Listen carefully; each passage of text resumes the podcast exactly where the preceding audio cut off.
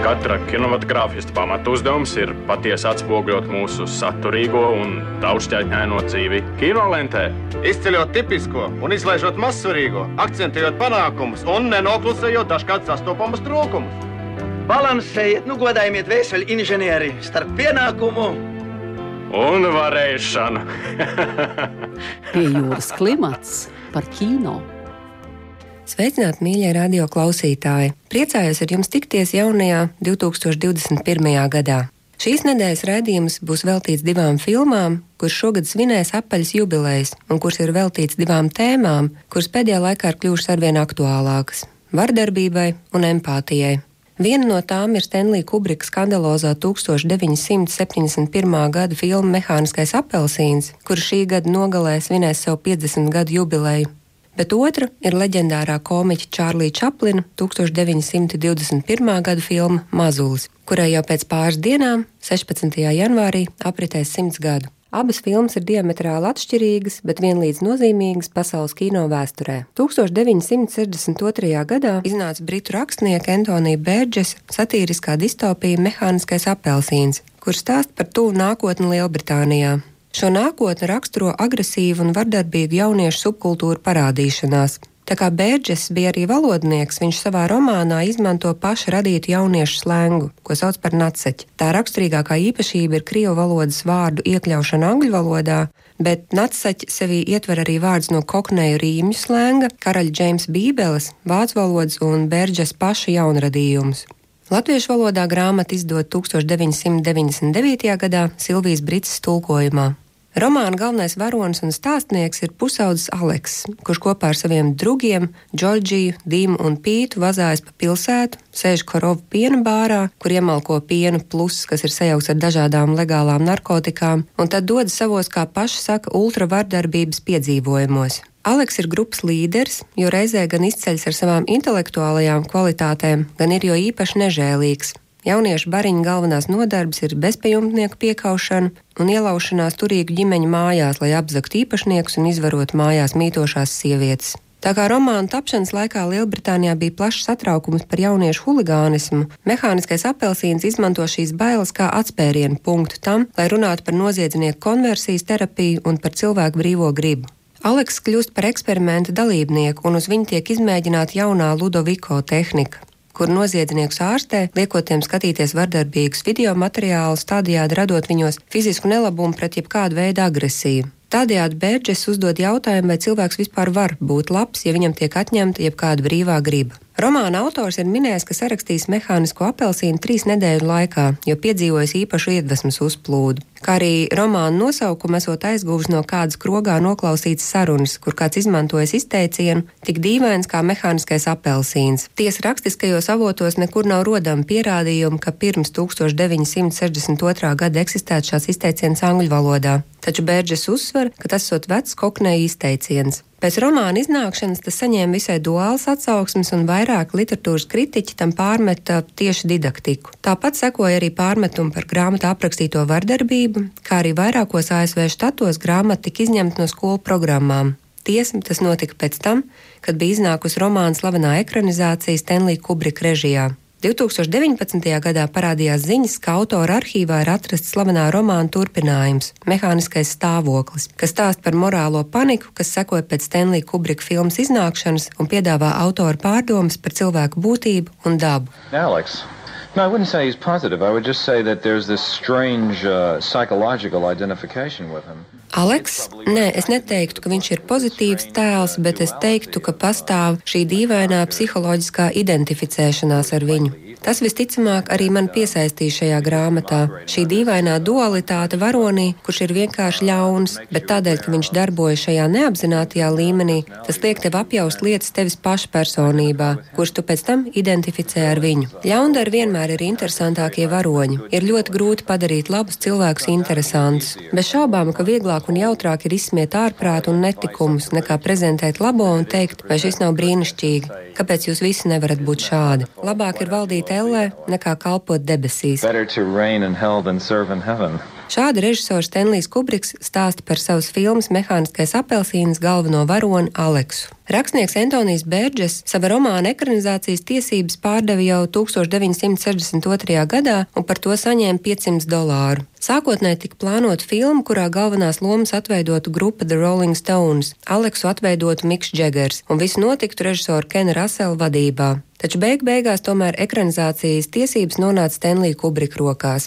Sākotnēji romānu režisoram iedeva scenārists Terijs Sazerns, bet Kubriks bija aizņemts, attīstot projektu par Napoleonu Bonaparti, un romānu tā arī neizlasīja. Taču to izdarīja viņa sieva, un pēc viņas rekomendācijas Kubriks tomēr pieķērās lasīšanai un uzreiz pieķērās arī šim romānam. Viņš arī uzrakstīja scenāriju, kas bija ļoti tuvu romāna sižetam, taču par pamatu tika izmantot ASV izdotā saīsinātā romāna versija, kurā nav pēdējās nodaļas. Lielbritānijā izdotajā versijā romāns beidzas ar to, ka Aleks pieaug, saprot savas kļūdas un mēģina uzsākt pareizu dzīvi. Stenlijs Kubriks uzsver, ka bija jau pabeidzis scenāriju, kas balstīts ASV izdotajā versijā, un rakstīšanas procesā viņš nebija ņēmis vērā pēdējo nodaļu. Turklāt uzskatīt to par lieku. Stenlija Kubrika iepriekšējā filma, Epos 2001 Kosmosa Odiseja, bija krietni pārtērējis savu budžetu, tāpēc režisors vēlējās ar mazbudžeta filmu parādīt studijām, ka var arī iekļauties tāmēs un grafikos. Tā nu mehāniskais apelsīns bija Kubrika mazbudžeta projekts, lai arī 2,2 miljonu dolāru tāpat bija daudz britu filmai.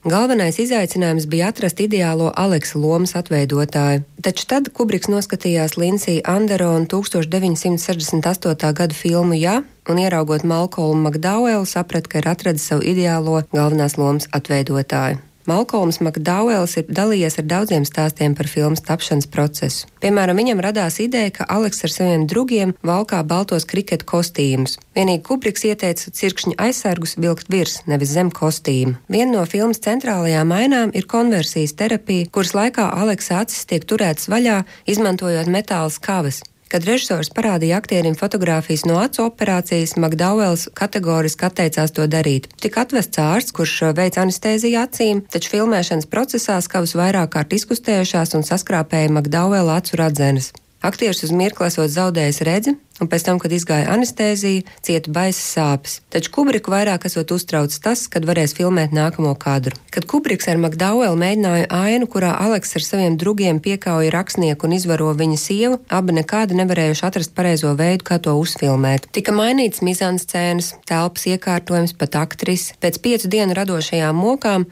Kubriks paprasīs Makdauelam, vai viņš prot dejot. Aktieris stāsta, ka bija nogarlaikojies līdz nāvei un sācis uz dūlo dziedāt un dejot Džīna Kelly izpildīto numuru Singing in the Rain no filmas Dziedot Lietū, un režisors bija sajūsmā. Lai arī abu sadarbība bija ļoti radoša un veiksmīga, Malkolms Makdauels stāsta, ka prasīja 100 tūkstošu dolāru lielu honorāru un 2,5% no filmas kases ieņēmumiem. Kubriks atbildēs, ka Warner Brothers atteikušies maksāt šos procentus, taču vēlāk, tiekoties ar studijas galvām, Makdauels uzzinājis, ka šie procenti tomēr tikuši piešķirti, bet viņš arī zinājis, ka Kubriks viņam tos nesamaksās. Taču aktieris atzīst, ka, lai arī ilgi juties aizvainots, viņš ir piedevis Kubrikam, jo mehāniskais apelsīns ir viņa vārdu ierakstījis kino vēsturē. Filma iznāca uz ekrāniem Lielbritānijā 1971. gada 19. decembrī, bet ASV nākamā gada 2. februārī. Seksuālās vardarbības atainojuma dēļ ASV filmai tika piešķirts X reitings, taču Kubriks nomainīja 30 sekundes materiālu, lai iegūtu R reitingu. Atsauksmes bija ļoti dažādas, sākot no ļoti slavinošām līdz ļoti kritiskām, taču filmas ienākumi bija iespaidīgi un skatītāju skaits arī. Mehāniskais apelsīns bija jo īpaši populāri Francijā. Interesanti ir Rodžera Eberta 1972. gada 2. februāra kritika, kurā viņš filmē piešķir vien divas zvaigznes un norāda, ka pārējo kritiķu slavinošās atsauksmes ir vienkārši vainas apziņa par to, ka viņa laikus neapjauta kosmosa odisejas nozīmīgumu. Tas, kas Eberta acīm redzot visvairāk satrauc, ir tas, ka skatītājam liek skatīties uz pasauli caur sociopātu un varmākas Aleksa acīm. Stenlijs Kubriks izmanto platleņķa lēcas, radot attēlu, kur centrā esošais izskatās normāls, bet kadra mals ir izkropļots. Tā kā Kubriks lielākoties šīs lētas izmanto, kad rāda Aleksa skatu punktu, arī skatītājs pasauli redz greizu. Tāpat laikā, kad kadrā ir redzams Aleks, viņš atrodas vai nu kadra centrā, vai tiek filmēts ar standarta optiku, tādējādi radot iespēju, ka viņš ir vienīgais normālais tēls šajā pasaulē. Turklāt, tā kā Kubriks, līdzīgi kā kosmosa odisējā gaismu akcentu liek uz acīm, viņa varoņi kļūst par baisām un reizēm mesijāniskām būtnēm. Lai arī filma bija ļoti populāra, tā saskārās ar plašu pretestību, jo tika uzsvērts, ka tā veicina vardarbību, un vairāk Lielbritānijā notikuši noziegumi tika sasaistīti ar mehānisko apelsīnu. Stenlijs Kubriks un viņa sieva arī saņēma draudus, līdz beidzot 1973. gadā Warner Brothers atsauc filmas izrādīšanu Lielbritānijā pēc Kubrika lūguma. Tāpat laikā režisors paziņoja, māksla sastāv no tā, ka pārveido dzīvi, bet tā nedz rada, nedz veido dzīvi. Vēl jau vairāk, piedēvēt filmai spēcīgas suģestējošas kvalitātes ir pret zinātniski pieņemto uzskatu, ka pat pēc dziļas hipnozes, pēc hipnozes stāvoklī cilvēks nevar piespiest izdarīt to, kas ir pretrunā viņu iedabai. Turklāt, kā uzsver aktieris Malkolms Makdauels, 1973. gadā visi, kas filmu vēlējās redzēt, jau bija to noskatījušies. Pagājušajā gadā filma Mehāniskais apelsīns tika iekļaut Nacionālajā filmu reģistrā kā kultūrāli, vēsturiski vai estētiski nozīmīgs darbs. Pirms vesela gadsimta, 1921. gada 16. janvārī Čikāgā savu pirmizrādi piedzīvoja mēmā komēdija drāma Mazulis, kur bija Čārlī Čaplina pirmā filmetrāžas filma kā režisoram. Čaplins arī bija filmas scenārija autors, producents un pat mūzikas autors. Filma stāsta par kādu neprecētu sievieti, kur pamet viņas mīļotais vīrietis, un viņa izmisumā pamet savu bērnu ieliekot to dārgā auto ar cerību, ka tas nodrošinās viņas mazulim laimīgu nākotni. Līdz viņi ieliek zīmīti, lūdzu mīliet un parūpējieties par šo bāreni. Taču divi zagļi jau ir noskatījuši auto, un mazulis tiek atstāts noplukušā pilsētas daļā, kur viņi atrod Čārlī Čaplina atveidotais klaidonis. Sākotnēji klaidonis mēģina tikt vaļā no zīdaiņa, taču atrodot zīmīti, nolēma mazuli audzināt. Tālāk mēs redzam jau piecus gadus veco puiku, kurš palīdz klaidonim stikliniekam dabūt darbu, ik pa laikam izsitot kādu logu. Pa to laiku mazuļa māte, kur atveido vienu no Čaplina iemīļotajām ekrāna partnerēm Edna Pērviens, ir kļuvusi par bagātu operas dziedātāju, kur aizraujas ar labdarību. Māte nejauši satiek mazuli un klaidoni, un beigu beigās atklāja, ka tas ir viņas pazudušais bērns. 1920. gada 31. decembrī Variety publicēja šādu īsu recenziju par filmu Mazulis. Šajā filmā Čaplins ir mazāk āksts un vairāk aktieris, bet viņa komēdija joprojām ir turpat, un kopš brīža, kad filmā parādās komiķis, nav neviena garlaicīga brīža. Tas ir aptuveni pirmā roļa vidū. Filma iepazīstina kā filmu ar smaidu, iespējams ar asaru, un tā ir tieši tāda, jo lai arī tā liks cilvēkiem dārdoši smieties un turēs viņus nezūdoši priekstāvoklī, tā arī aizķers viņu sirdis un iekaros viņu līdzjūtību ne tikai pret filmas zvaigzni, bet arī galveno aktrisi un mazo Džekiju Kūgenu. Mazulis tiek uzskatīta par vienu no nozīmīgākajām mēmā kino filmām, kā arī par vienu no Čaplina vispersoniskākajiem darbiem. Paša autora dzīve tajā brīdī bija sagriezusies kājām gaisā. Sasteigtā laulība ar jauniņo aktrisu Mildredu Harisu bija uz izjukšanas robežas, un tikai trīs dienas pēc savas dzimšanas nomira abu dēls. Par spīti smagajām sērām no šī pārdzīvojuma dzimta ideja par filmu, kurā klaidonis kļūst par auģu tēvu pamestam bērniņam. Čaplins nejauši apmeklēja koncertu, kurā uzstājās kāds dejotājs, kurš savas uzstāšanās beigās izved uz skatuves savu četrgadīgo puiku Džekiju Kūgenu. Tā nu Čaplins atrada savu ekrānu partneri, kurš bija dzimis atdarinātājs. Tā nu Džekijs varēja ātri vien imitēt visu, ko režisors viņam lika. Kolēģi par Čaplinu sacīja, ka ideālajā variantā viņš pats spēlētu visas lomas savās filmās. Tā nu Čaplins meklēja sev aktierus, kur varēja imitēt to, ko filmas autors viņiem parādīja. Mazulis tika filmēts gandrīz 9 mēnešus. Čaplina perfekcionismu ilustrēja tas, ka safilmētais materiāls bija 50 reizes garāks nekā gala rezultāts. Kad filmēšana bija beigusies, beigusies bija arī Čārlīda Čaplina laulība ar Mildredu Harisu, kur bija iesniegusi prasību par laulības šķiršanu. Lai mazulis nekļūtu par strīdu objektu šķiršanās procesā, Čaplins ar savu tuvāko komandu aizbēga uz Kaliforniju un montēja filmu pa kluso kādā Soltlēk Citīs viesnīcā. Par spīti šīm un vēl citām finansiālām problēmām, kad 1921. gadā filma iznāca uz ekrāniem, tā bija milzīga veiksma un tika uzskatīta par Čaplina karjeras lielāko triumfu. Arī septiņus gadus vecais Džekijs Kūgens kļuva par zvaigzni un izbaudīja karjeru Holivudā.